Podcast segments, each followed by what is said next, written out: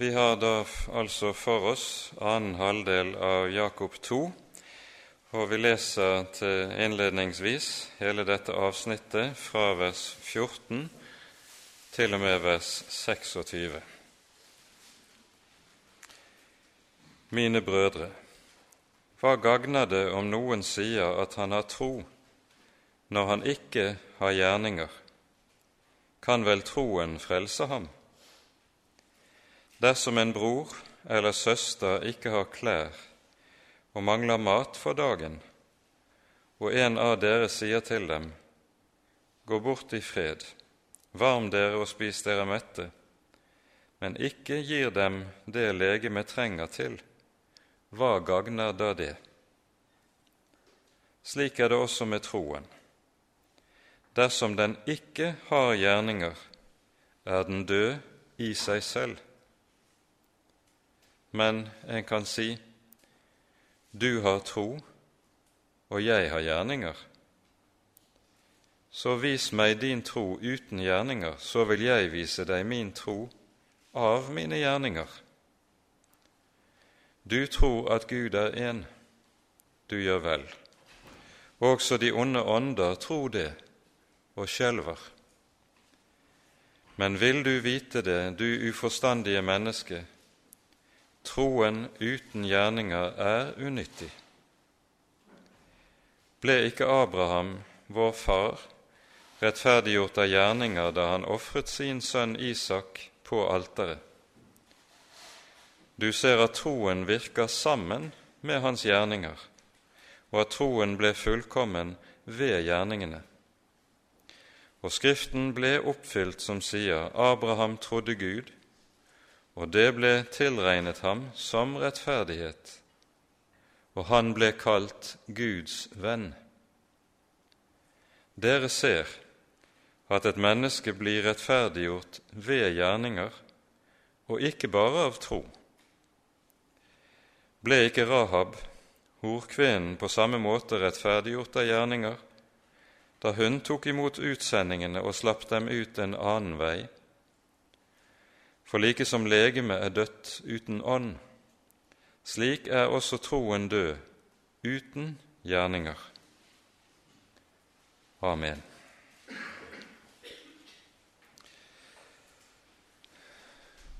Dersom man har Paulus sin, sine brever i minne, og ganske særlig Romerbrevets tredje og fjerde kapittel, og Galaterbrevet, så vil det ved første lesning virke som om det vi her hører i Jakobsbrevet kapittel 2, strider rakt imot det vi hører hos Paulus. Derfor har det også kirkehistorisk vært slik at det ikke er så rent få eh, utleggere som mener at Jakob her eh, målbevisst polemiserer mot Paulus. Eh, det har da sin bakgrunn i bl.a. at man daterer Jakobs brev ikke slik vi eh, nevnte i første bibeltime over brevet, at dette antagelig må være det eldste brevet vi har i Det nye testamentet, men et brev som i tilfelle da er blitt til etter de viktigste Paulusbrevene, og at Jakob da altså polemiserer mot Paulus. En slik måte å tenke på og forstå Jakobs brevet, det munner uvegerlig ut i noe som blir et betydelig problem når man skal forholde seg til Bibelen. Et problem som eh, man står overfor i store deler av moderne teologi, nemlig at man hevder at Bibelen inneholder flere ulike frelseslærer. Du har én type frelseslære hos Paulus, en annen hos Jakob, en tredje hos Jesus og disse står til dels i innbyrdes motsetning til hverandre.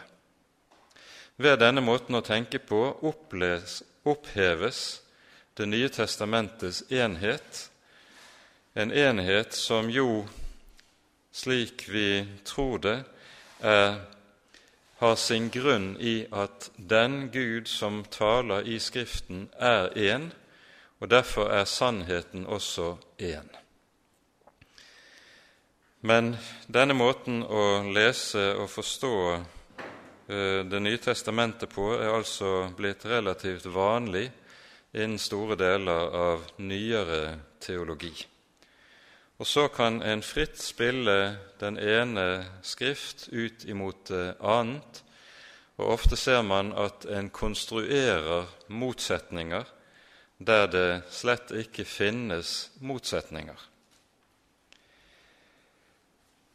Det som er viktig å være oppmerksom på allerede i utgangspunktet når vi har for oss uh, de bibelske skrifter, det er at når Den hellige ånd taler i Det nye testamentet og taler gjennom Den hellige skrift Vi sier og vi tror at Bibelen er inspirert av Gud ved at Den hellige ånd taler gjennom profeter og apostler, så foregår ikke inspirasjonen på en slik måte at de enkelte personer som Ånden taler igjennom, likesom sjaltes ut eh, og er bevisstløse i det inspirasjonen foregår. Tvert om er det helt tydelig at inspirasjonen foregår på det vis at hele forfatternes, de menneskelige forfatteres personlighet tas i bruk og kommer til uttrykk gjennom det som skrives. Og Slik ser vi at en Johannes kan ordlegge seg, ha en ganske annen språkføring enn en Paulus har. En Jakob kan ordlegge seg og ha en annen språkføring enn en Paulus, og så videre. Og Det vi ser slik i Det nye testamentet, det ser vi også i Det gamle testamentet. Og Dette henger sammen med uh, inspirasjonens egenart. Inspirasjonen er ikke slik å forstå at den foregår i en art ekstase, der personligheten sjaltes ut, slik at den inspirerte apostel eller profet så å si er bevisstløs i gjerningsøyeblikket idet det er en annen ånd som tar over og eh, taler igjennom disse. I stedet er det altså slik og det er viktig å være klar over, at Den hellige ånd tar i bruk hele de menneskelige forfatteres personlighet, slik at en ser en sammensmeltning mellom Den hellige ånds ord og de rent menneskelige ord, slik at personlighetene ikke krenkes. Det er meget mer å si om dette, men, og vi kan ikke bruke veldig mye tid på det i dag, men dette må vi være klar over allerede innledningsvis. For hvis vi tenker som så når vi leser dette avsnittet i Jakobs brev, at Jakob eh, har samme språkføring som Paulus, og legger de samme ting i ordene som Paulus gjør, da er det vi vil komme ut og kjøre. Men en vil se, dersom en gir nøye akt på sammenhengen i brevet, at her er det slik at Jakobs språkføring nettopp er ulik Paulus' Og har vi det for øye, så vil vi se at det ikke er noen reell motsetning mellom Paulus og Jakob. Det som var mye av problemet innen den første kristenhet, det var hvorledes den første kristne menighet skulle forholde seg til Guds hellige lov. Og Da finner du to avveier i forhold til det å ha et rett forhold til loven. Den ene avvei den ender opp i det vi kaller for loviskhet eller lovtrelldom. Det er dette Paulus bekjemper i sine brever.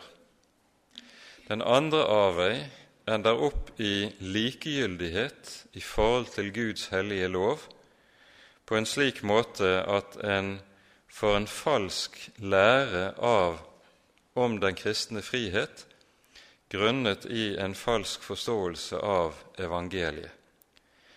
Og denne falske lære om den kristne frihet den ender da i det vi kaller for antinomisme. Og det er nettopp antinomismen som ikke minst bekjempes i noen av disse siste brevene vi finner i Det nye testamentet. Både andre Peters brev og Judas brev, deler av første Johannes brev og deler av Jakobs brev må forstås slik at her dreier det seg om nettopp en kamp mot antinomismen, fiendskapet mot Guds hellige lov. Og det er det som så å si utgjør bakteppet for det vi her er inne på. Jeg tror vi også kan ha godt av å minne om det som vi leser i 2. Peters brevs tredje kapittel, der Peter er inne på eh, noe av det vi her har talt om. I 2. Peters brev kapittel 3 hører vi i vers 14-16 følgende.: Derfor, mine kjære, når dere venter disse ting, så legg vind på å bli funnet uten flekk og lyte for ham i fred. Og akt vår Herres tålmodighet som frelse. Slik har også vår kjære bror Paulus skrevet til dere, etter den visdom som er ham gitt. Dette har han gjort i alle brev der han taler om dette. I dem er det noe som er vanskelig å forstå, og som de ulærde og ubefestede vrangtolker, slik de også gjør med de andre skriftene, til sin egen undergang. Legg merke til det vi her hører. Det taler om altså det som her kalles for ulærde og ubefestede i troen, som vrangtolker Bibelen fordi de leser Bibelen styrt ut fra ulike typer egeninteresse. Og så fører det til at en tillater seg å leve i synd, i strid med Guds ord, og motiverer dette med at den kristne frihet i evangeliet tillater nettopp dette. Det er det vi hører om i 2. Peters brev. Andre og tredje kapittel dreier seg meget om nettopp denne sak. Dersom det var slik at Jakobs brev polemiserte mot Paulus, da ville dette ha vært noe som var langt mer tydelig og eksplisitt i sammenhengen, noe det altså overhodet ikke er. Tvert om er det tydelig at det er en helt annen sak som ligger Jakob på hjertet. Forrige gang hørte vi at det står i det første verset i kapittel 2 følgende.: Mine brødre, dere som tror på vår Herre Jesus Kristus, Herlighetens Herre, må ikke samtidig gjøre forskjell på folk. Eh, den eldre oversettelsen oversetter dere som tror på vår Herre Jesus Kristus, må i deres tro på vår Herre Jesus Kristus må ikke være forenet med at dere gjør forskjell på. Poenget er dersom troen søkes forenet med å gjøre synd, å leve i synd, da er det at det leder galt av sted. Og det er nettopp dette som Jakob nå tar tak i fra vers 14 av. Har, det er slik at det vi hører i de 13 første versene, det leder frem imot det vi hører fra vers 14, og det vi, som er vårt avsnitt i dag, det gir den prinsipielle forholdet til disse tingene. Troen kan ikke være forenet med et liv i synd. Det er det som er saken. Vi møter noe av den samme tankegang som vi her støter på i Jakobs brev, også i 1. Johannes brev. Vi hører i vers 14 følgende.: Hva gagner det om noen sier at han har tro, når han ikke har gjerninger? I 1. Johannes brev 2 leser vi sånn i, fra vers 4.: den som sier 'Jeg kjenner ham', og ikke holder fast på hans bud, han er en løgner, og sannheten er ikke i ham. Altså det er avstand mellom hva en sier, og hvorledes en lever. Det er avstand mellom ord og handling, noe som altså Johannes benevner slik da er han en løgner, og sannheten er ikke i ham. Han lever et dobbeltliv, og et dobbeltliv er et usant liv. Samme sak hører vi i vers 9 i det samme kapittelet hos, i 1. Johannes. Den som sier at han er i lyset, og som hater sin bror, han er enda i mørket. Samme sak som Johannes her adresserer. Og Går vi til Paulus sine brever, så vil vi se at Paulus også tar opp noe av det samme. Men han gjør det med en annen språkføring, altså, enn det Jakob gjør.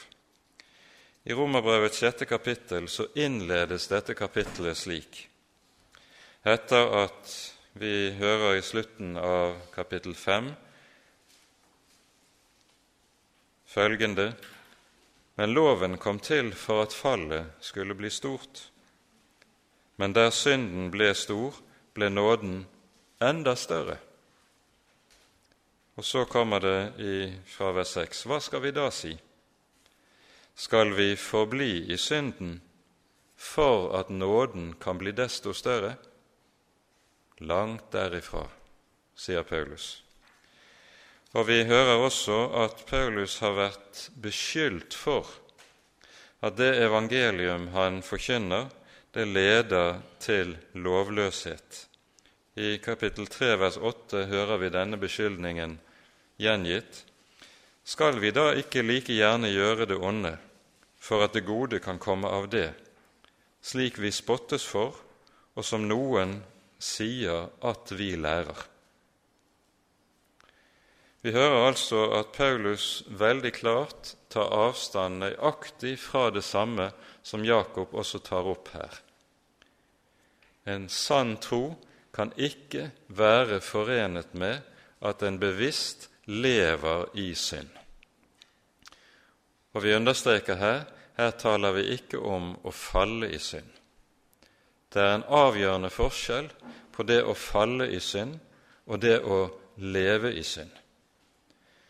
Når en faller i synd, så vil et troende menneske reise seg igjen fordi han søker syndenes forlatelse hos Jesus. Men lever en i synd, da gjør en synden til sitt element, og vil sågar ha Guds tillatelse til og velsignelse over det syndige forhold som en lever i. En søker ikke ved syndenes forlatelse å komme ut av synden. Det er altså dette Jakob tar tak i og underviser om i dette avsnittet. Mine brødre, hva gagner det om noen sier at han har tro, når han ikke har gjerninger? Kan vel troen frelse ham? Og Her hører vi at Jakob bruker ordet tro i en noe annen mening enn det Paulus vanligvis gjør. Tro, slik som det her eh, anvendes, det er et uttrykk som her i sammenhengen betyr at en har, eh, holder noe for sant, men at det samtidig ikke har konsekvenser for livet. Og slik er det jo at troen visselig holder for sant det vi hører i Guds ord. Men troen er ikke blott og bart for santholden. Var den det, så ville også djevlene og de onde ånder kunne bli frelst, sånn som vi hører i vers 19. Du tror at Gud er én, du gjør vel. Også de onde ånder tror det, men de skjelver. Vi hører jo i evangeliene hvordan de onde ånder lenge før menneskene erkjenner hvem Jesus er, så vet de onde ånder meget godt hvem Jesus er. Vi hører i flere ganger i forbindelse med Jesu virke at når Jesus står overfor besatte mennesker, så kan de bryte ut disse åndene og si:" Hva har vi med deg å gjøre, du Jesus fra Nasaret, vi vet at du er Guds hellige. De onde ånder gir slik til kjenne et kjennskap til hvem Jesus er. Dette er noe som de vet er sant, men de forblir onde ånder.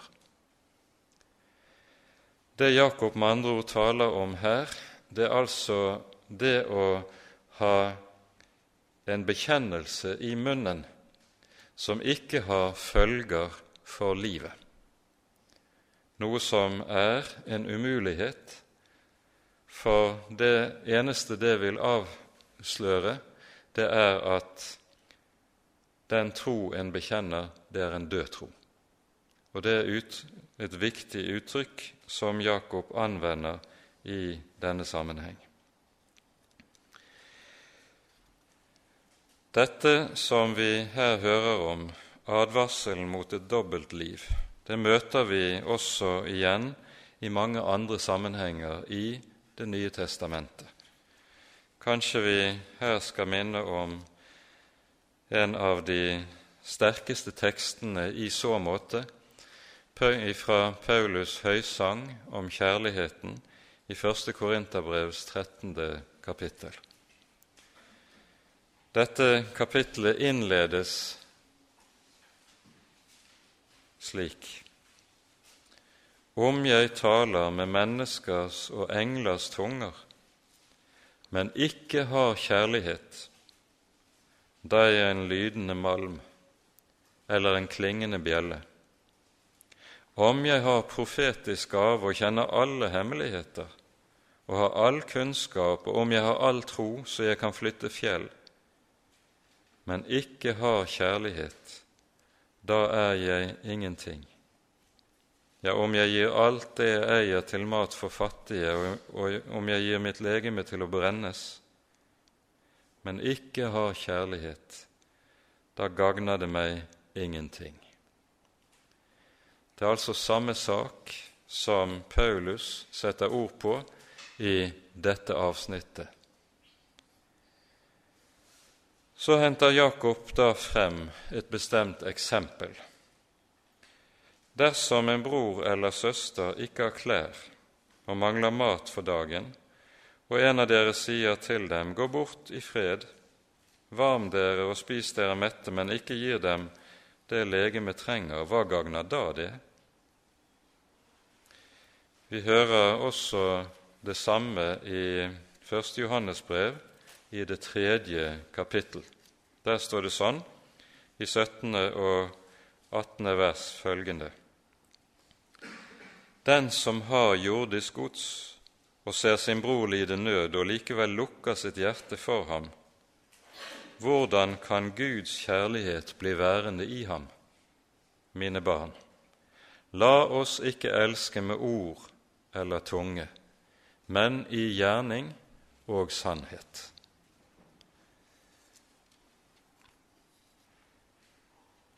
Og det er tydelig at her, slik Johannes her skriver i sitt første brev, så må han antagelig kjenne Jakobsbrevet ut fra måten som han ordlegger seg på.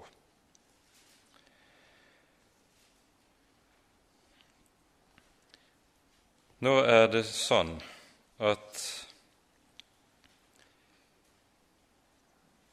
det vi her hører Jakob ta tak i, det er at han peker på nestekjærligheten som noe av den helt sentrale frukt av troen som det gjelder skal komme til syne.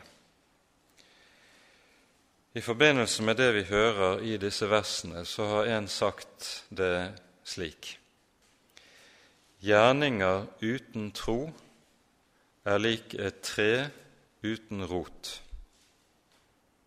Tro uten gjerninger er lik et tre uten frukt. Og Dette griper veldig godt og i en enkel sum det som vi står overfor i det avsnittet vi nå er inne i. Og Derfor fortsetter Jakob altså som følgende.: Slik er det også med troen. Dersom den ikke har gjerninger, er den død i seg selv. Når vi nå har pekt på dette, så er det viktig med det også å ha i minne en sannhet som eh, synes ofte å glemmes av mange troende mennesker nemlig at på den siste store dag så skjer dommen etter menneskenes gjerninger. Det er helt entydig i Det nye testamentet at vi dømmes i henhold til våre gjerninger. Det er det vi hører i den store domsscenen i Matteus 25 fra vers 31, når Menneskesønnen kommer i sin herlighet med alle sine engler. Da skal han samle få alle for sin trone, og så skal han skille fårene fra gjetene. Fårene skal han stille ved sin høyre side og gjetene ved den venstre.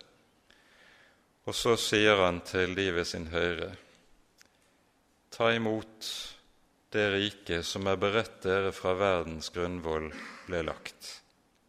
Og så spør de rettferdige hvorfor de skal få lov til dette. Og så vitner Jesus.: Jeg var naken, og dere kledde meg. Jeg var hungrig, dere ga meg mat.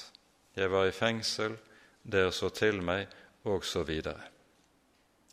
For det dere har gjort mot en av disse mine minstre brødre, det har dere også gjort imot meg. Og så hører vi det motsatte sies til de på den venstre hånd. Det er dom etter gjerninger. Samme sak hører vi Paulus også omtaler meget klart i Romerbrevet i det andre kapittelet. Vi leser herfra følgende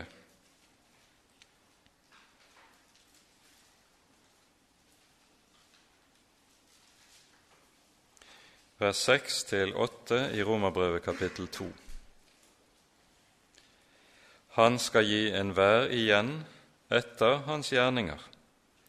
til dem som med utholdenhet i god gjerning søker herlighet og ære og uforgjengelighet, skal han gi evig liv. Men over dem som er gjenstridige og ulydige mot sannheten, men lydige mot urettferdigheten, over dem skal komme vrede og harme. Dette sies altså i det brevet som aller klarest og mest systematisk stiller frem for oss at vi frelses av tro uten gjerninger. Og Samtidig står det altså ved siden av dette at vi skal dømmes på den siste dag etter våre gjerninger. For oss kan det synes som om dette er en motsetning frelst av nåde uten gjerninger, dømmes på grunnlag av gjerninger. Virker, er ikke dette noe som strider imot hverandre? Nei, det er ikke det. Fordi saken er den at dersom troen er levende, da vil den alltid gi seg uttrykk i gjerninger og gjerningene spiller den rolle at de vitner om den tro som er til stede. Gjerningene er ikke det som er grunnlaget for frelsen, men de bevitner at troen faktisk er levende og er til stede. De spiller altså den rolle innenfor den store domstol som vitnene spiller i en rettssak. Så fortsetter Jakob nå ifra vers 18, og vi hører:" Men en kan si:" Du har tro, og jeg har gjerninger. Vis meg din tro uten gjerninger, så vil jeg vise deg min tro av mine gjerninger. Og nå finner vi eh, vers som vi her leser, som tilsynelatende står så på det sterkeste i strid med det vi leser i Romerbrevet. Kanskje aller sterkest gjelder det det vi hører i vers 24.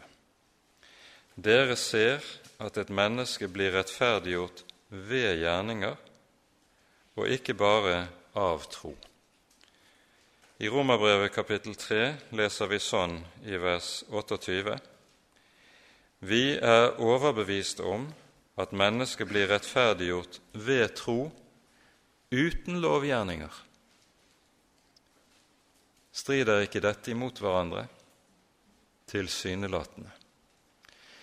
Men legg nå merke til hvorledes Jakob ordlegger seg. Dere ser at et menneske blir rettferdiggjort ved gjerninger. Det står ikke på grunn av gjerninger. Og legg nøye merke til hvorledes han altså ordlegger seg her. Det sies ikke at noe menneske rettferdiggjøres på grunn av gjerninger, men det rettferdiggjøres ved gjerninger fordi gjerningene altså spiller den rolle som vi her har pekt på. De bevitner den levende tro, at den faktisk er til stede. Motsetningen er med andre ord bare tilsynelatende. Dette avsnittet som nå vi kommer inn i fra vers 19 av, det er et avsnitt der vi hører at Jakob henter frem en rekke skriftbelegg. Og La oss se litt nærmere på disse. Det første skriftbelegget er det vi leser i vers 19. Du tror at Gud er én. Du gjør vel. Du gjør rett, kan det også oversettes. Med dette så vises det til 5. Moseboks kapittel 6, vers 4, som jo er den grunnleggende jødiske trosbekjennelse, og som gjentas en rekke steder i Det nye testamentet.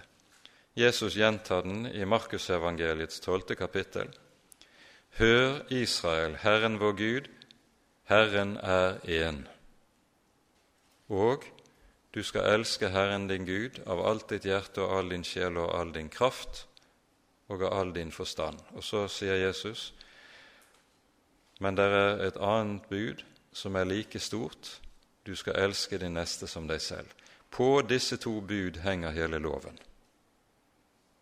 sier Jesus, og sammenfatter med dette det som er Guds hellige lov. Og det, det sentrale i denne tro og bekjennelse som Jakob her siterer. Han sier altså også de onde ånder tror det, og de skjelver. De frykter for den hellige Gud og hans dom, som de vet ligger foran. De har bare så kort en tid. Så fortsettes det i vers 21, og på ny hentes det da frem et nytt skriftbevis, en ny skrifthenvisning.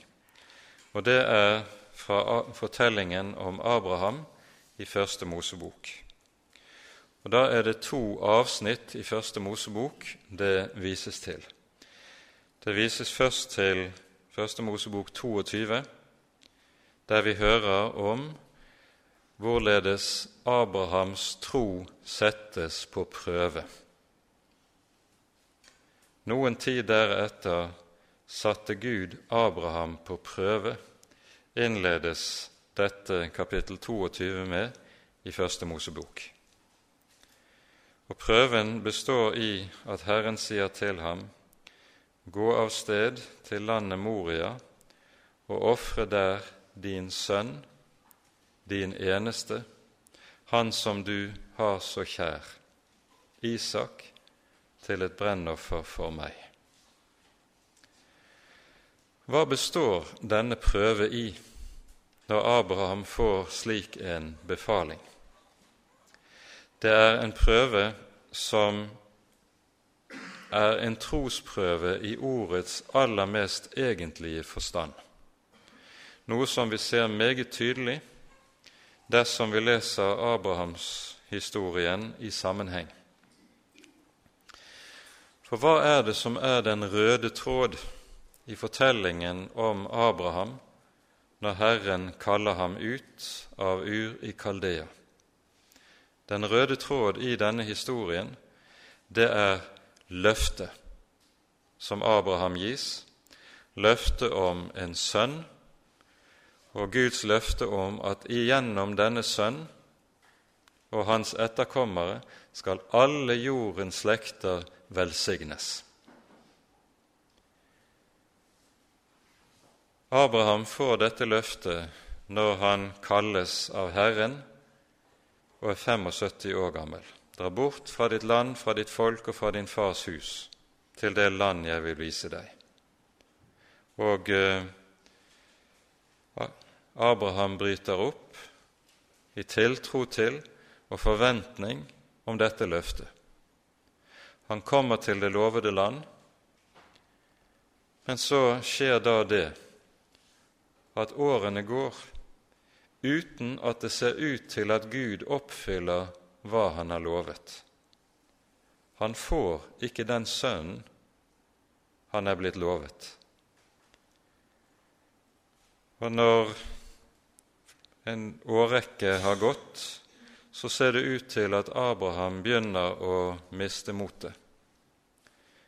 Vi kommer til det 15. kapittel. Herren åpenbarer seg for Abraham.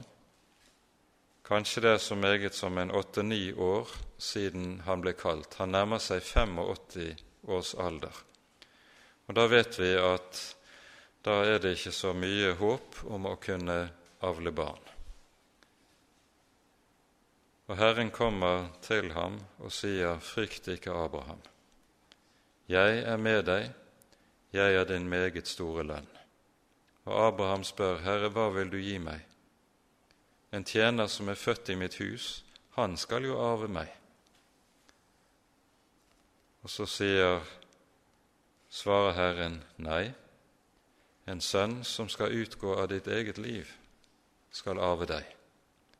Og så fører Herren Abraham ut utenfor teltet og ber han om å telle himmelens stjerner, og sier til ham, sånn som himmelens stjerner er, således skal din ett bli. Og så lyder det, Abraham trodde Gud, og det ble regnet ham til rettferdighet. Altså, han står i en situasjon der han får et løfte fra Gud som er uhyre vanskelig å tro, for alt han ser med sine øyne, taler jo imot at det skulle være mulig at løftet blir oppfylt. Så går årene, og når Abraham er 100 år gammel, fødes Isak. Herren oppfyller sitt løfte, sånn som vi hører det i kapittel 21 i Første Mosebok. Og Teksten understreker der tre ganger i sammenhengen at nå oppfyller Herren sitt løfte. Så går årene, og Isak er antagelig en 13-14 år gammel. Så kommer befalingen om å ofre ham. Det vanskelige i dette er ikke bare det at Abraham med dette settes på en fryktelig prøve, menneskelig talt, i det å skulle ta av dage sitt eget barn men det er enda mer en trosprøve. For denne anfektelse må ha meldt seg. Mener ikke Herren det Han har lovet meg? Han har gitt meg løftet om en sønn. Han har gitt meg løftet om etterkommere tallrike som himmelens stjerner og som sanden på havets bredd. Har Gud ikke ment det? Har Gud bare lekt med meg? det er en anfektelse, som altså dreier seg om at Abraham får dette spørsmålet tvunget inn på livet sitt. Har jeg bygget hele livet mitt på en illusjon? Alt har jo dreiet seg om dette Guds løfte. Det er på dette jeg har levet, og det er i troen på dette løftet jeg har vandret. Tar Gud nå sitt løfte tilbake? Er ikke Gud sannferdig? Det er dette som er den dype anfektelse som Abraham dermed også kastes inn i.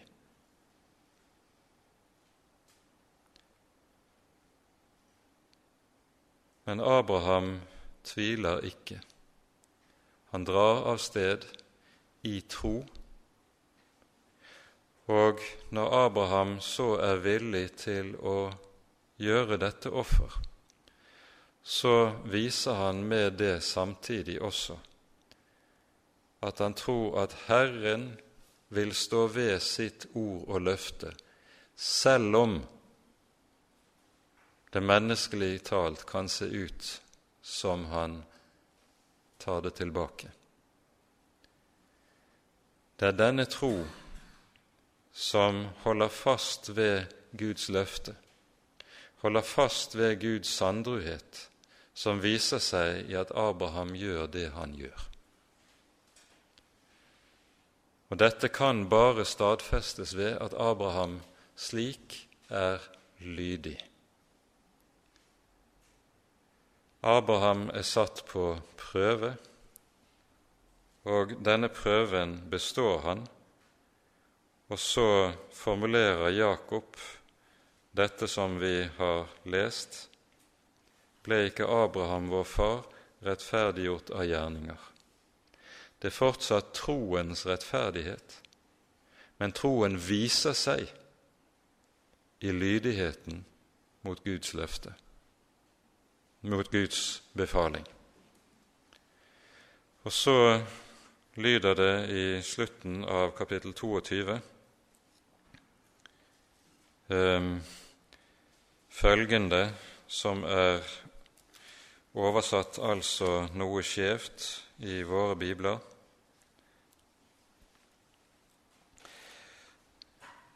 Um, Første Mosebok 22, 18, sier Herren idet han stadfester og gjentar løftet til Abraham. I din ett skal alle jordens folk velsignes fordi du adlød mitt ord. Bokstavelig står det i grunnteksten 'fordi du hørte mitt ord'. Abraham tror fordi troen kommer av hørelsen. Troen kommer av tilliten til Guds eget ord. Og som den som hører Guds ord, så viser Abraham seg som troende, og troen stadfestes gjennom lydigheten. Det er dette som er tankegangen i det vi her hører. Og da forstår vi at det også bare er tilsynelatende at Jakobs måte å lese Første Mosebok på er i strid med det vi hører hos Paulus.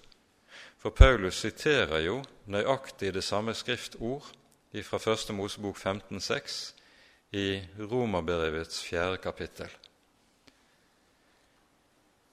Og Paulus siterer dette da som nettopp et bevis på at troen rettferdiggjør uten gjerninger, dvs. Si, vi rettferdiggjøres ikke på grunn av lovgjerninger. Og Derfor hører vi det altså lyder i vers 22.: Du ser at troen virket sammen med hans gjerninger, og at troen ble fullkommet eller nådde sitt endemål ved gjerningene. Slik kan det også oversettes. Så ble Skriften oppfylt som sier Abraham trodde Gud, og det ble tilregnet ham som rettferdighet, og han ble kalt Guds venn. Dette uttrykket 'Guds venn' som her møter oss, det er eh, en hederstittel som Abraham får i Jesaja-bokens 41. kapittel, vers 8, er det vi finner det. Og det er det Jesus spiller på i Johannesevangeliets 15. kapittel, når han bruker det samme ordet om sine disipler. Jeg kaller dere ikke lenger tjenere, men venner. For tjeneren kjenner ikke sin Herres vilje, men dere vet. Han har åpenbaret sin viljes hemmelighet for disiplene. Han har lukket dem inn i sin fortrolighet, og derfor kaller Jesus dem venner. De er noe langt mer enn kun tjenere. Og det er nettopp dette fellesskap som dermed blir stående mellom Abraham og alle Jesu venner, som slik markeres. Abraham var Guds venn. Abraham er de troendes far, slik vi kan lese det det er en benevnelse som anvendes om ham i en rekke sammenhenger i Paulus' brever, ikke minst. Og derfor er det å tro å tro som Abraham. Det er poenget. Når vi hører at Jakob på denne måten viser til Abrahams prøvelse, så kan det også være viktig å minne om sammenhengen her i Jakobsbrevet. Brevet innledes jo, slik som vi har vært inne på tidligere, i kapittel 1 med følgende Mine brødre, akte for bare glede når dere kommer i mange slags prøvelser. Det gjaldt Abraham, det gjelder de troende. For dere vet at når troen prøves, virker det tålmodighet. men tålmodigheten må føre til fullkommen gjerning, så dere kan være fullkomne og hele og ikke komme til kort i noe. Og så hører vi det sies i vers 12 i det første kapittelet Salig er den mann som holder ut i fristelse eller prøvelse. Det er det samme ordet som står i grunnteksten, for når han har stått sin prøve, skal han få livets krone, som er lovet dem som elsker ham, lik Abraham. Lik Abraham. Det er forbindelseslinjene som slik trekkes. Og så munner det altså ut i eh, det vi hører i vers 24, hvorpå Jakob legger til et eksempel fra Josva-bokens annet kapittel, der vi hører om Rahab, som var skjøge, levet i Jeriko, men kom til tro på Herren og av den grunn hjalp speiderne som var sendt inn i landet. Og så er det nettopp det at hun setter eget liv på prøve for å hjelpe speiderne, et annet uttrykk for nøyaktig samme sak. Troen får konsekvenser for livet, og på denne måten så integreres tro og liv og blir en enhet. Det som vi altså er, har vært inne på i dette avsnittet, det er noe som slett ikke står i strid verken med Paulus eller med Bibelen for øvrig. Og til slutt i denne timen skal vi ganske kort peke på hvorledes Paulus kan ordlegge seg f.eks. i Romerbrevet, når han taler om det samme som vi her har vært inne. Med Romerbrevets sjette kapittel så begynner jo det avsnittet i Romerbrevet som taler om helliggjørelsen.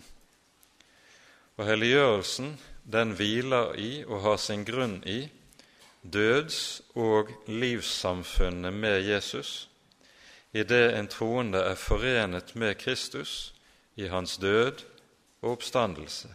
Han er korsfestet med Jesus, død og begravet med Jesus og oppreist med Jesus til livets nyhet.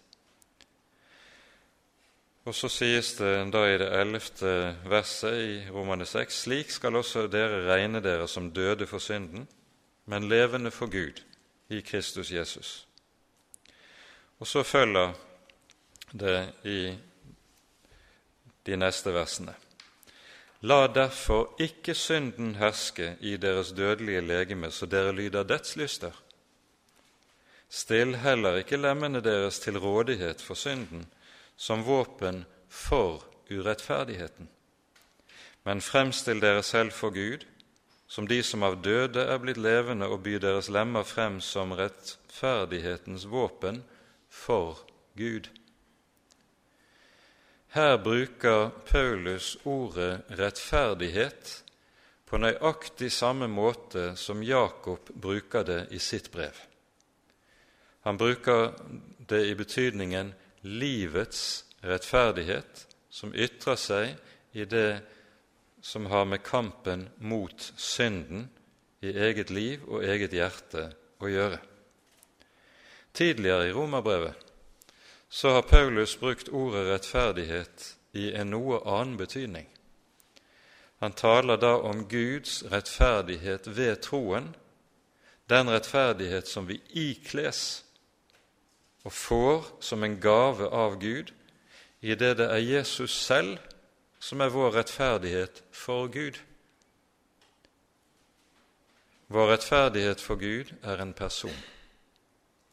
Det er Jesus selv og det er for Hans skyld vi er gjort rettferdige. Men så kan altså Paulus også tale om det vi gjerne i vår kristne språkbruk kaller for livets rettferdighet. Og da ordlegger han seg som vi hører det her i Romane 6. Og vi kan godt fortsette et par vers til for sammenhengen sin skyld. Vi leser fra vers 14. For synden skal ikke få herske over dere, for dere er ikke under loven, men under nåden. Hva så? Skal vi synde siden vi ikke er under loven, men under nåden? Langt derifra.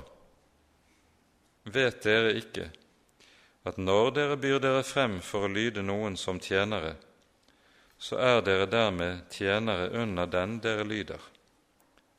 Dere blir enten tjenere under synden til død, eller under lydigheten til rettferdighet.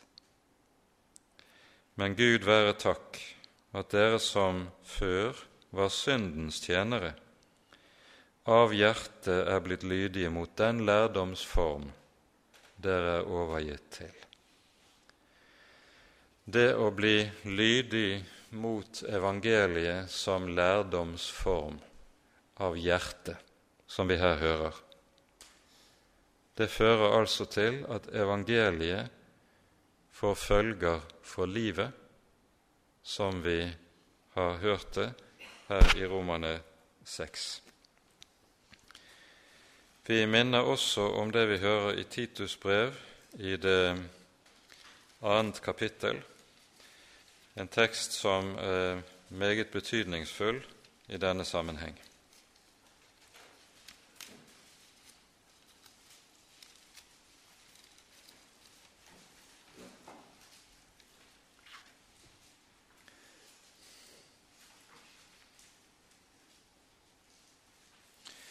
Her sies det sånn fra vers 11 av i Titus 2. For Guds nåde er åpenbart til frelse for alle mennesker. Den opptukter oss til å fornekte ugudelighet og de verdslige lyster, til å leve sedelig og rettferdig og gudfryktig i den verden som nå er. Legg merke til det som her sies. Det er Guds nåde som slik skaper det nye livet. Det er ikke loven. For fariseerne var det sånn at en så på loven som drivkraften til et hellig liv. Slik er det ikke. Det er bare nåden som kan skape det hellige livet. Guds nåde er åpenbart til frelse for alle mennesker og den opptukter oss. Loven har det med seg at den forbyr synd og viser hva lydighet mot Gud består i. Men loven har ikke kraft til å virke, til å skape det nye livet, til å skape frukten. Den kraften ligger alene i evangeliet, i nåden. Og så sies det, føyes det til i vers 14, når det taler om Jesus, han er den som ga seg selv for oss, for å løse oss ut fra all lovløshet, og for seg selv å rense for seg selv et eiendomsfolk som med iver gjør gode gjerninger. Det som kjennetegner det nye mennesket, det gjenfødte mennesket, det er at det elsker Guds vilje og gjerne vil innrette livet etter Guds vilje. Det elsker loven og vil gjerne innrette livet etter loven. Så svarer ikke alltid evnen til viljen, for vi har fortsatt det gamle mennesket i oss. Men det er dette som er grunntonen så sant en er gjenfødt ved evangeliet, så elsker en også Guds hellige lov og vil gjerne innrette seg etter den. Og Derfor sier altså Jakob, som vi kunne høre det, når han taler om den siste dom. Så ser dere at et menneske blir rettferdiggjort ved gjerninger. Men det sies altså ikke rettferdiggjøres på grunn av gjerninger. Det står ikke. Men gjerningene der de er, de viser gehalten i den tro som bor i hjertet. Og Med det setter vi punktum for dagens bibeltime. Ære være Faderen og Sønnen og Den hellige ånd, som var og er og være skal, en sann Gud, høylovet i evighet. Amen.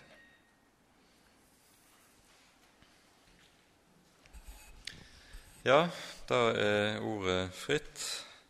Så er det noen som sitter og brenner med ting, så vær så god. Jonna?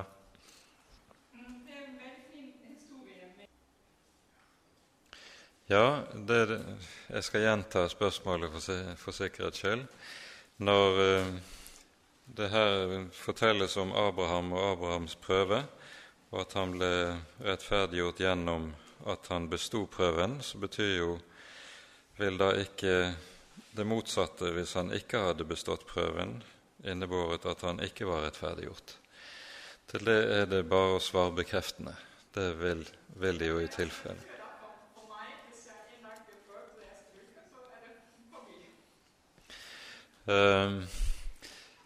Til det er å si eh, to ting.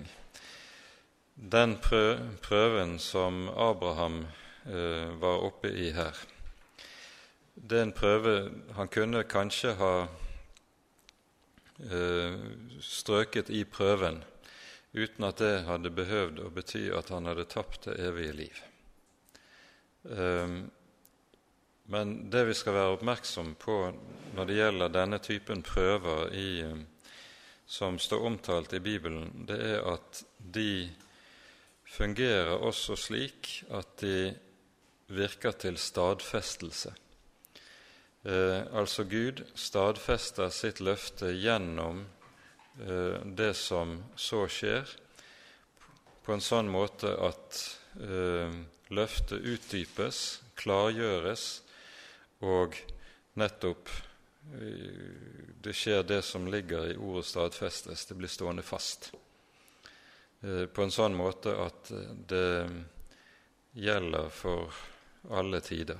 Og det er nettopp det som du hører skje med Abraham i denne sammenheng. Når det gjelder prøver som vi står overfor, så er det jo sånn at et troende menneske vil eh, alltid komme til å falle. Eh, og fall i eh, kristenlivet, kristenlivet fører ikke uten videre til at en taper det evige liv. Her har vi mange eksempler i Bibelen å, å vise til. Eh, et av de aller sterkeste er jo det vi finner i fortellingen om, om David og hans fall med Batseba og med Uria. Eh, en kan godt si det sånn at når David eh, får øye på Batseba fra taket på slottet, så står han dermed overfor en prøve som han aldeles ikke består. Eh, og så er resultatet det som vi, vi eh, hører. Men David eh, taper jo ikke derigjennom det evige liv, for han reises opp igjen. Eh, han bekjenner sin synd og blir så av Herren selv tilgitt og reist opp igjen. Og det er jo det som alltid må skje der vi også faller. Da trenger vi å søke syndenes forlatelse på ny og få gjort opp med den synd som vi har gjort oss skyldig i. Og dette er jo noe som um, vil komme til å være uh, noe som så å si ledsager oss gjennom hele livet som kristne. Fordi vi har synden i oss, og synden ofte overmanner oss og er mye sterkere enn vi, uh, vår viljestyrke til å stå imot så vil vi komme til å falle på ny og på ny. og trenger til å derfor også å søke syndenes forlatelse på ny og på ny. Her gjelder, eh, tror jeg, vi har lov til å, å ta det inn i den sammenhengen. Når Jesus sier på Peters spørsmål eh, hvor mange ganger skal jeg tilgi min bror om han synder mot meg, så mye som syv ganger, hvorpå Jesus svarer ikke syv ganger, men 70 ganger syv ganger. Og når Jesus sier det, så er jo det fordi Han som er Herre, tilgir slik. Jesus vil aldri forvente eller si til oss at vi skal tilgi slik, uten at det har sin grunn i at det er slik Gud tilgir oss, om igjen og om igjen, gjennom et langt liv. Og det er kanskje det største av alle nådens under, at Gud ikke blir trøtt av å tilgi.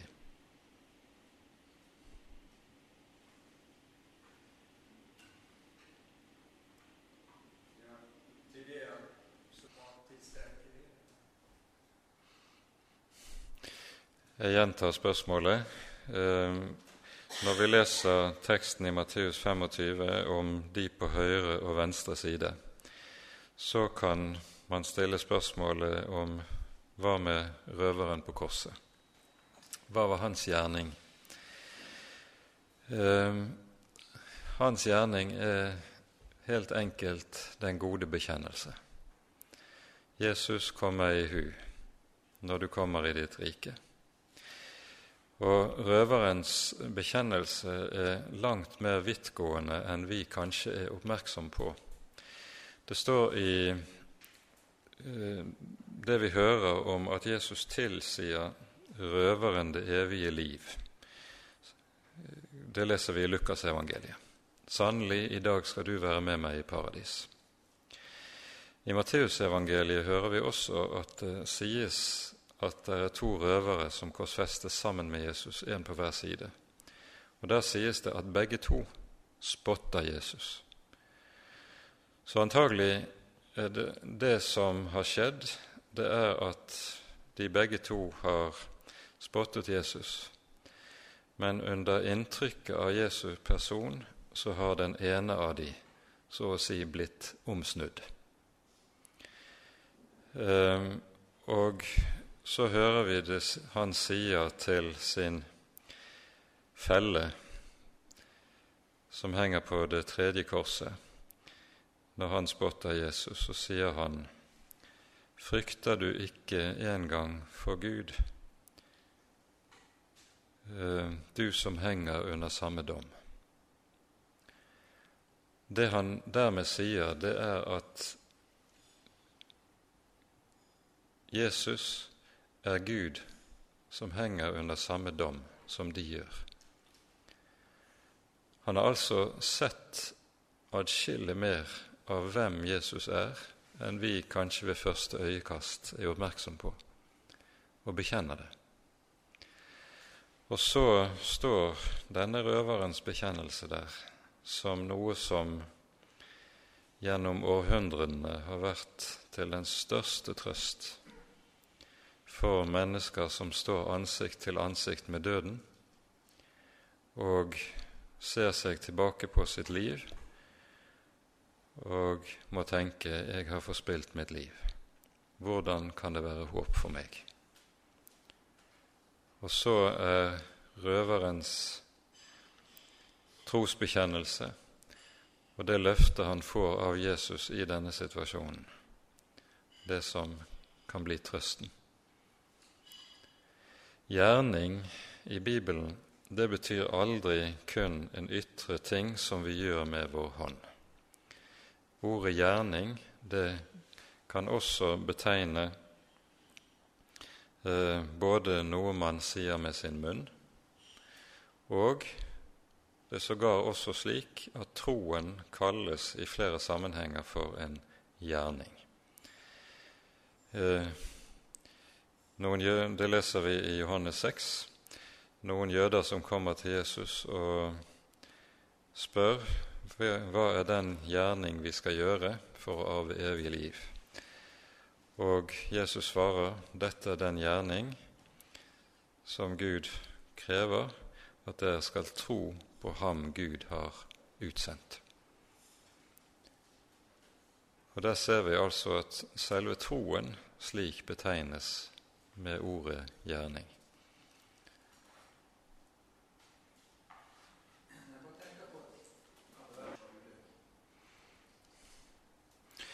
Ehm, det er helt riktig at her også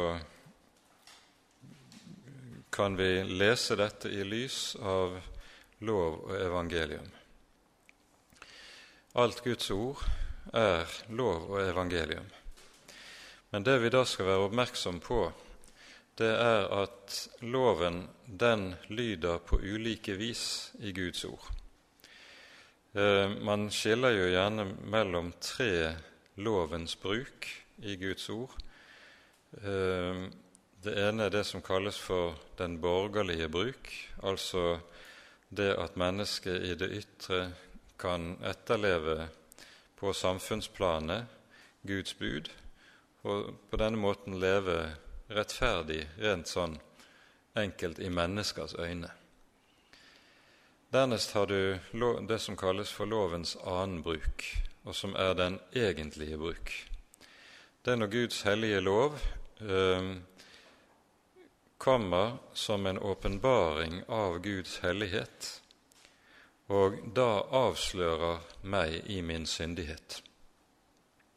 Vi vet at alt det loven taler, det sier den til dem som har loven, for at hver munn skal lukkes og hele verden blir skyldig for Gud, sier Paulus i Romane 3. For ved loven kommer syndens erkjennelse. Altså loven har det med seg når den forkynnes etter sin annen bruk, at den åpenbarer et menneskes synd, avslører den og stiller meg til veggs, så jeg må lukke min munn. Jeg kan ikke forsvare meg med en stavelse. Og denne lovens eh, annen bruk har det som hensikt at den skal ramme menneskets samvittighet. Så den, det viktige, det avgjørende spørsmålet skapes hvordan skal jeg bli frelst? For det spørsmålet stiller et menneske aldri av seg selv. Det kan utelukkende skapes ved at Den hellige ånd stikker i samvittigheten gjennom å forkynne loven, avsløre synden i livet mitt. Og Så kommer til slutt det som kalles for lovens tredje bruk. Og Det er det vi møter i vår bibel i det som kalles formaningene. Eh, alle brevene som vi finner i Det nye testamentet, inneholder ulike typer formaningstale og formaningsforkynnelse. Og Formaningene de er konkretisering av hva Guds lov har å si inn i ulike situasjoner til oss som kristne, og peker med det på hvilke troens gjerninger som en kristen skal leve ut i sitt daglige liv. Det er lovens tredje bruk. Og Da er det avgjørende å være klar over at lovens tredje bruk den skal kun lyde overfor troende mennesker. Overfor gjenfødte kristne, den skal lyde i den kristne menighet. Man skal ikke bruke formaningsforkynnelsen overfor uomvendte mennesker, for det vil bare skape egenrettferdighet dersom den etterleves. Så det er altså en eh, tredje type lovforkynnelse som vi møter i formaningsforkynnelsen, og det er den vi ganske særlig møter i Jakobs brev.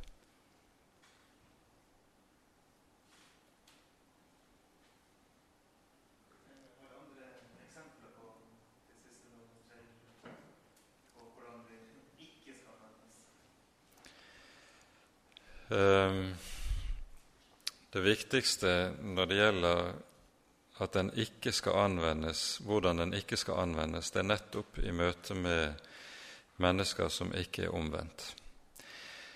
Eh, I tillegg kan vi kanskje også føye til at eh, lovens tredje bruk må ha det med seg at den henger sammen med et klart forkynt evangelium. For uten det så vil den kommer til å henge i, henge i luften. Eh, for det er slik som vi ganske kort var inne på i bibeltimen. Loven krever hellighet, men er ikke i stand til å gi det og virke det. Så Derfor vil det være slik at dersom lovens tredje bruk forkynnes uten at evangeliet forkynnes klart og rent, da vil det også komme til å lede til loviskhet i det kristne menneskes liv.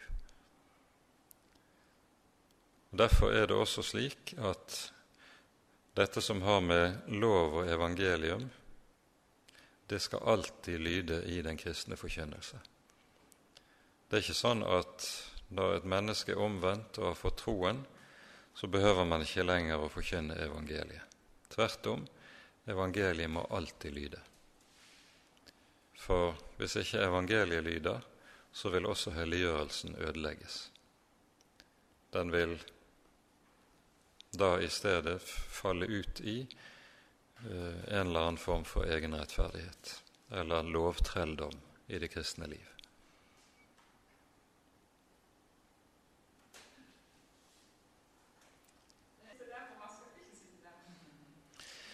Eh,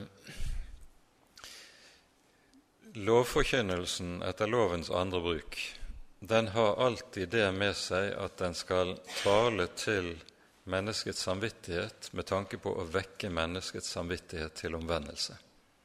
Det er det som er hensikten med den. Og Det vil gjøre at den, denne typen forkynnelse nødvendigvis må arte seg noe annerledes enn det lovens tredje bruk vil gjøre når den forkynnes. Du har allerede på Bibelens første blad eh, eksempler på eh, lovens annen bruk, i betydningen det som skal vekke mennesker til erkjennelse. Allerede på syndefallets dag så kommer Gud til Adam og til Eva. Og Da lyder det Adam, hvor er du? Eva, hva har du gjort? Og dette er jo ikke fordi Gud ikke vet hva de har gjort, men Gud stiller Adam spørsmålet hvor har dette som du nå har gjort, ført deg hen? Hvor har du kommet hen med ditt liv når du har stelt deg på denne måten? Altså, loven kan forkynnes på en mildere måte nemlig i spørsmålets form. Men det er spørsmål som har til hensikt nettopp å skape selverkjennelse. For det er det det dreier seg om. Når det gjelder lovens tredje bruk, så har, kaller vi det gjerne for uh, formaninger. Og det som kan være nyttig å være klar over når det gjelder uh, formaningene, det er at ordet formaning, det greske ordet som anvendes i Det nye testamentet, det har som hovedbetydning oppmuntring. Eh, når vi hører ordet formaning på norsk, så ser vi for oss den løftede pekefingeren. Og vi snakker jo av og til om dette som kalles at vi skal gi noen et paul i jord. Og da er det liksom en sånn Den er der. Mens eh, Paulus' tonefall i formaningene, det er nettopp oppmuntringen. Det taler om hvorledes de som eh, har troen på Jesus, skal oppmuntre hverandre til i livet med Herren, til å vandre sant og rett med Herren inn i de ulike konkrete forhold som vi møter i livet. Så det har noe både med tonefallet og med arten forkynnelse som det dreier seg om her.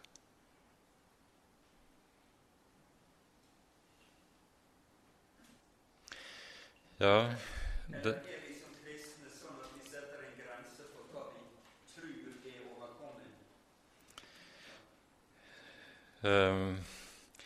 ja, er det sånn at vi setter en grense for hva vi tror er overkommelig når det gjelder omvendelse. Dessverre tror jeg at vi ofte tenker på svært menneskelig måte, noe som Bibelen ikke gir oss grunnlag for å gjøre. Når det gjelder sånne fryktelige handlinger som det som ble begått i sommer, så står det der det er ondskap. Og da skal samtidig et troende menneske vite med seg selv det er ingen forskjell. Alle har syndet og står uten ære for Gud. Det er ingen av oss som kan si om oss selv at vi på noen måte er bedre i Guds øyne her. Punkt to. Det som er det uhyggelige med det vi ser i en sånn voldshandling som vi har sett i sommer, det er at når et menneske kan gjøre slike handlinger med god samvittighet, så må vi spørre oss selv hva er det som gjør at mennesker kan gjøre slikt uten at samvittigheten ser ut til å røre seg i dem? Årsaken til dette ligger i ideologiene, i den egenart som voldsideologier har. Ideologiene har det med seg, og det ser vi rikelig i forrige århundre. Mennesker kan gjøre de mest grufulle ting i den tro at de dermed fremmer den gode sak. Altså man rettferdiggjør onde handlinger. Man tror at man fremmer den gode sak. Kommunistene kjempet for sitt utopia og kunne myrde for fote. Nazistene kjempet for sitt tusenårsrike og trodde det var den ideale fremtid i verden, og drepte for fote. Ideologiene har det med seg at det dreper menneskets samvittighet, for en rettferdiggjør de onde handlinger. Og Det er jo tydelig når det gjelder Anders Behring Breivik ut fra det han har skrevet i manifestet sitt, at han nettopp er fanget av en slik ideologi som nettopp dreper samvittigheten. Så skal vi også be for ham. Og skal Herren komme til, så handler det om at han må få lov til å røre ved samvittigheten hans. Kan det skje? så kan det også skje at han en dag kommer til omvendelse. Og det er jo det vi må be om.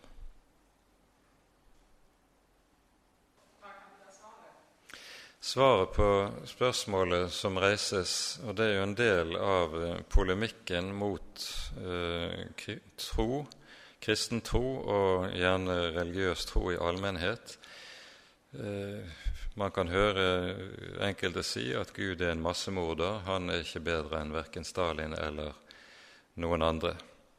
Til det er å si den eneste som har rett til å ta liv, er Gud.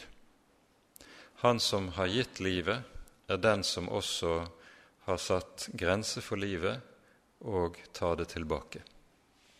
Det er Guds enerett Mennesker har ikke denne rett.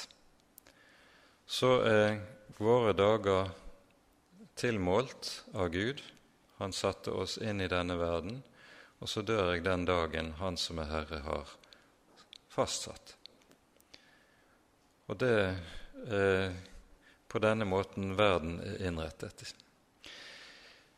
Dette henger igjen sammen med, eller opprøret mot, eh, at Gud skal kunne ha denne rett, henger sammen med opprøret mot at Gud skulle ha rett til å dømme.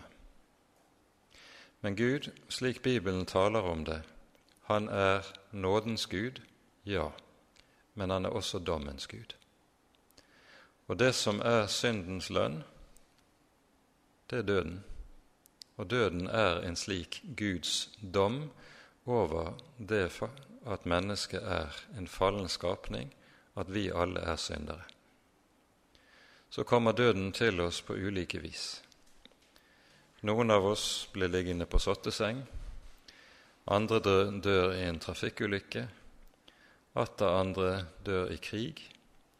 Det er for så vidt underordnet hvorledes det skjer. Døden er vår lodd på grunn av at synden er en del av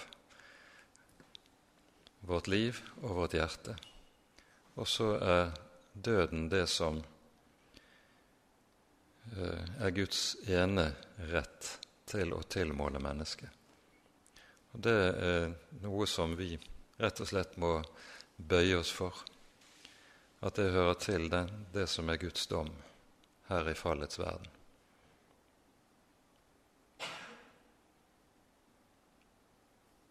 Henning. Mm. Ja, Det stilles altså spørsmål eh, om teksten i Matteus 25, der vi hører om skillet mellom fårene og gjetene på høyre og venstre hånd hos Han som er vår dommer. Og eh, spørsmålet dreier seg om at det at vi kan ikke ut av denne teksten selv lese at de gjerningene som Jesus her taler om, fungerer som vitner om en tro som allerede er til stede. Ehm, men i stedet kan teksten, dersom en leser teksten isolert, forstå den som at det her er tale om ehm, at gjerningene er grunnlaget for frelsen, ikke bare vitnesbyrd om en frelsende tro. Til det er å si at det er viktig å legge merke til hvordan teksten ordlegger seg. Vi hører om uh, de som står på høyre hånd, at de um, svarer når de er blitt lukket inn i riket, så spør de, Herre, når så vi deg sulten og ga deg mat, eller tørst og ga deg drikke?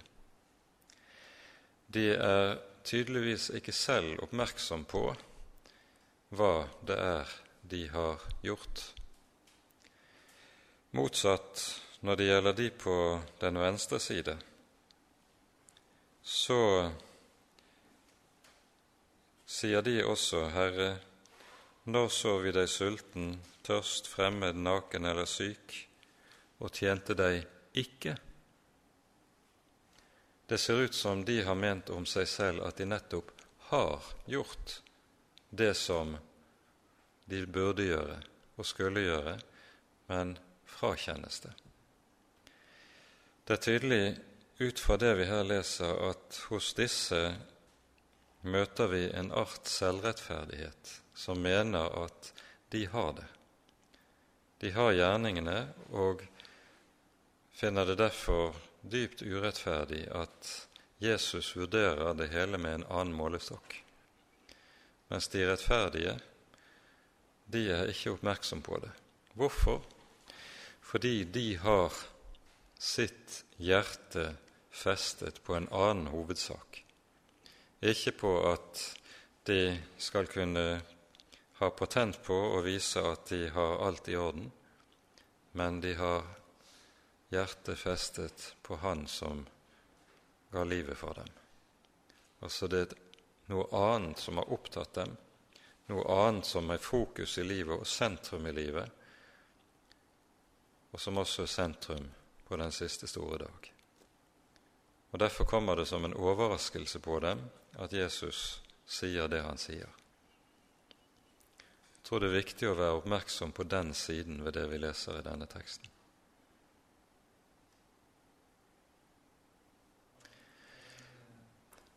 Ja, spørsmålet som stilles, er når Gud prøver, hva er det da Han prøver i meg? Eh, er det ikke slik at troen er avhengig av Den hellige ånd? Og det er helt sant.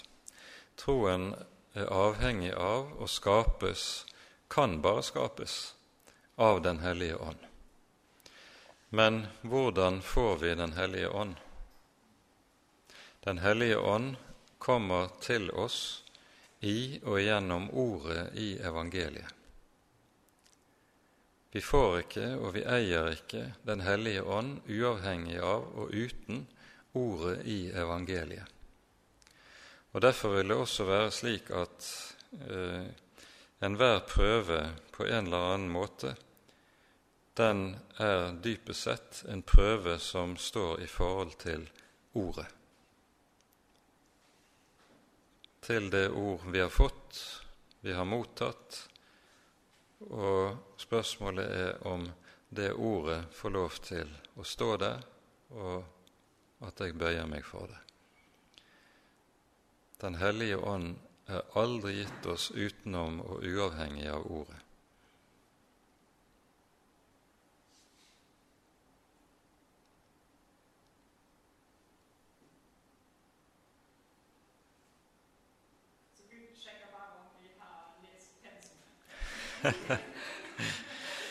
ja, hvis det var så enkelt at det bare handlet om å lese pensum, så er det, er det vel Var ikke det så vanskelig, tror jeg.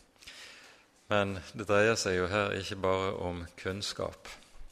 Det står i Hebreabrevet fjerde kapittel, der vi hører om forbildet med ørkengenerasjonen i Israels folk.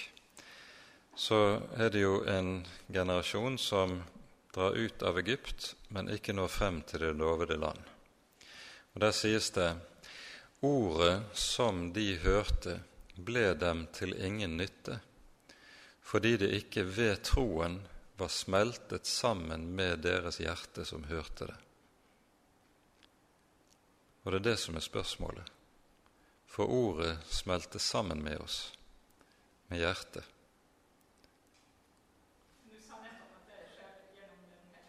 Ja, det er det Ånden gjør. Nei, det gjør han ikke. Men problemet er jo at vi med våre hjerter, og sånn som vi ofte innretter oss i livet, så står vi Gud imot. Står Guds ord imot. Det naturlige menneskets attrå er fiendskap mot Gud, sies det i Romerbrevet kapittel 8. Og så sant vi fortsatt har det gamle mennesket eller det naturlige mennesket i oss, så har vi også noe av dette fiendskapet fortsatt boende i oss. Og det ytrer seg på ulike måter nettopp i forhold til at ordet ikke alltid får gjøre den gjerning med oss som det skulle, fordi det er noe i oss som kan stritte imot. Og det er noe av alvoret og noe av faren som alle troende mennesker står overfor.